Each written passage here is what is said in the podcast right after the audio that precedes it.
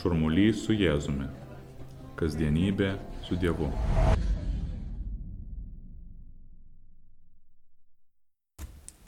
Šios savaitės sekmadienis yra Dievo žodžio sekmadienis.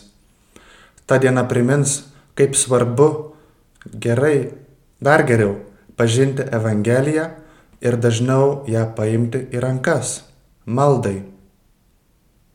Toks, būtent toks yra ir šios tinklalaidės šurmulys su Jėzumi tikslas. Norime tik vieno - padėti asmeniškai melstis su Evangelija atpažinti save Evangelijose, suprasti, kaip Evangelija kalba apie mūsų gyvenimą. Labai svarbu gerai pažinti šventąjį raštą. Nepažinti raštų reiškia nepažinti Kristaus, sakydavo šventasis Jeronimas. Jei norime pažinti Kristų, Jėzų Kristų, turime skaityti šventąjį raštą, visų pirma Evangeliją Evangelija yra tarytum filmas. Skaitydami Evangeliją išgirstame Jėzaus žodžius ir pamatome Jėzaus veiksmus. Skaitydami Senąjį testamentą girdime pranašystes apie Jėzaus ateimą, apie jo misiją išgelbėti Izraelį, išrinktąją tautą ir visą žmoniją.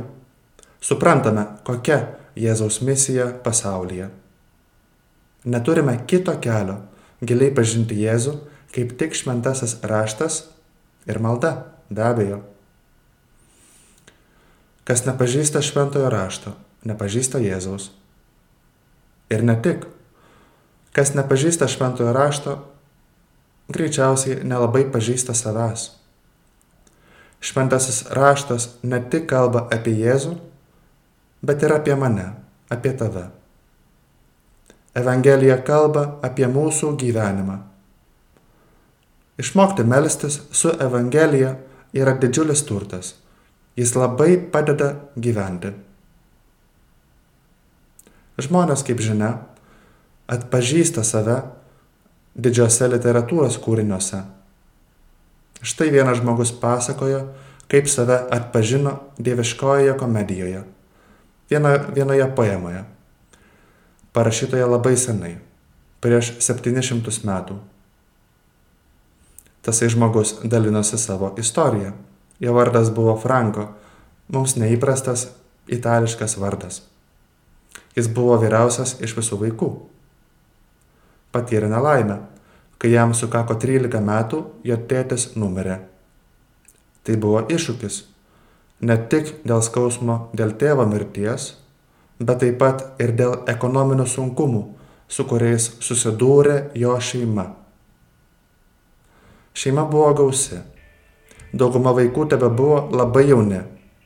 Franko buvo vyriausias sūnus ir būtent jam teko eiti, dirbti ir taip prisidėti prie šeimos išlaikymo. Iš miestelio, kuriame gyveno, jis persikėlė į artimiausią miestą. Apsigyveno restorane, kuriame įsidarbino toli nuo savo šeimos. Labai jaunas, 13 metų, jautėsi labai vienišas, o ir darbas buvo varginantis.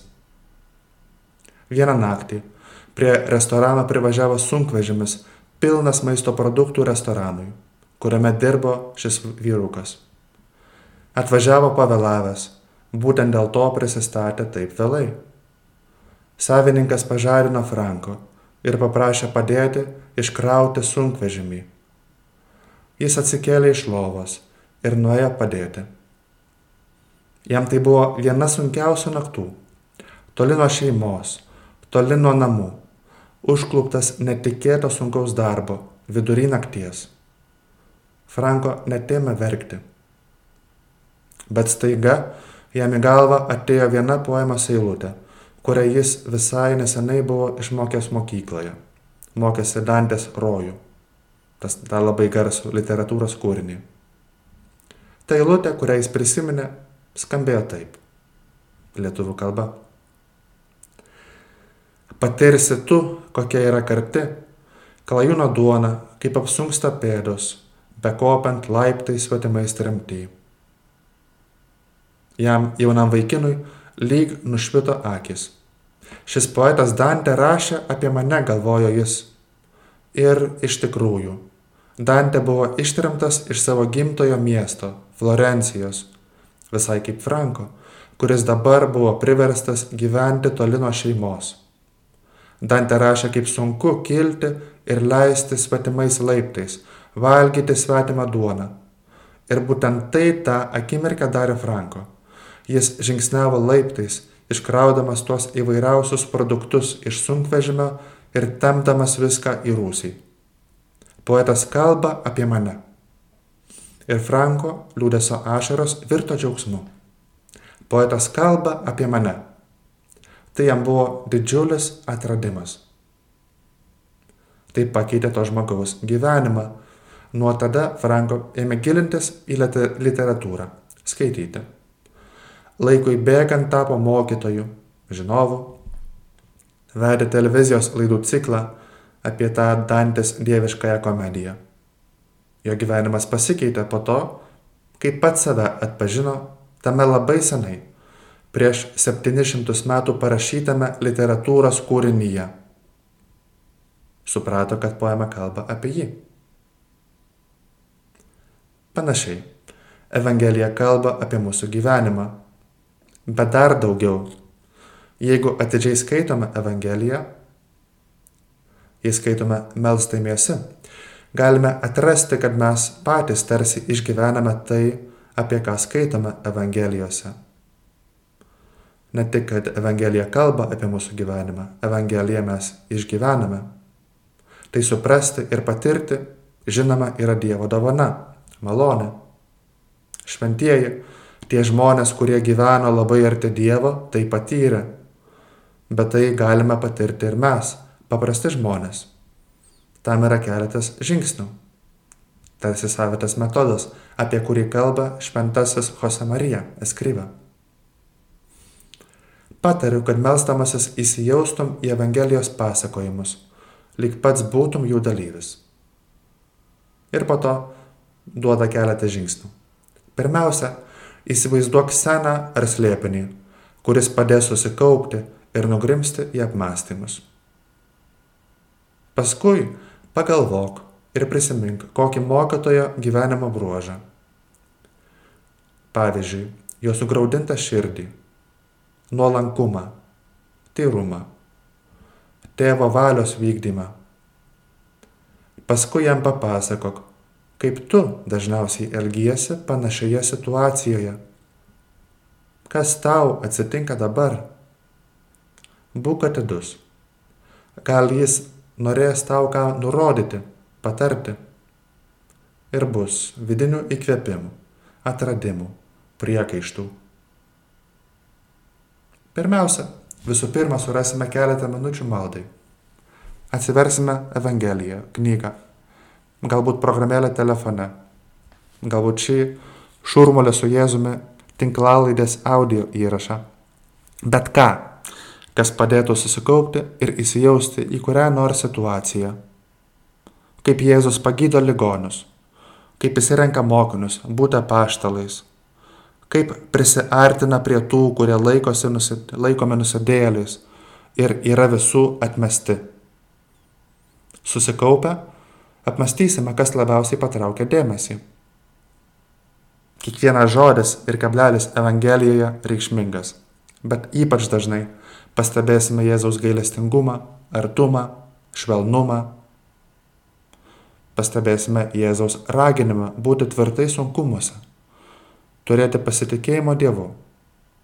Tada, kai aplinkybės regis klostosi nepalankiai, prastai, arba kai kyla nesusipratimų ar nesutarimų. Pagaliau pagalvosime, o kaip aš pats reaguoju panašiose situacijose. Ir tada bus už ką padėkoti. Daug dalykų esame išmokę iš Jėzaus. Anksčiau ar vėliau taip pat turbūt pastebėsime, kad, kad turime ir trūkumų. Ir prašysime maldos metu Dievo pagalbos aukti. Labiau pasitikėti Dievu nepasiduoti nerimui ar blogai nuotaikai, būti pastovesniais darbe, vengti to, kas kenkia mano santykiai su Dievu, su šeima, su draugais. Malda su Evangelija keičia gyvenimą. Pamažu pamilstame Jėzų. Jeigu ką nors tikrai mylime, norime apie jo gyvenimą ir charakterį sužinoti viską. Tarsi susitapatinti su mylimuoju. Štai kodėl turime dažnai apmastyti Jėzaus gyvenimą. Nuo gimimo tvartelėje iki pat mirties ir prisikelimo. Jo gyvenimą reikia labai gerai išmokti laikyti jį galvoje ir širdyje, kad bet kada, be jokios knygos, galėtume užmerkę akis kontempliuoti jį, matydami viską likinę ir atsidūrę įvairiausiose gyvenimo situacijose, lengvai prisiminsime mūsų viešpaties žodžius ir veiksmus. Kartą pora darbininkų pamatė vieną kunigą einant gatve ir skaitant, melžiantis. Ką jis daro, paklausė jie vienas kitą. Ir vienas jų atsakė, jis skaito Jėzaus Kristaus gyvenimą. Daug Dieve rašė šventas Jose Marija, kad tavo elgesys ir kalba būtų tokie, jog visi tave matydami ir girdėdami kalbant galėtų sakyti, jis skaito Jėzaus Kristaus gyvenimą. Daug Dieve, kad skaitytume Jėzaus Kristaus gyvenimą. Daug Dieve, kad kasdien bent penkias minutės tam surastume. Malda su Evangelija. Su ją ateis visa, kas yra gera. Eikime maldos keliu kartu ir šiemet. Jėzaus motinos ir mūsų motinos Marijos vedami už rankos.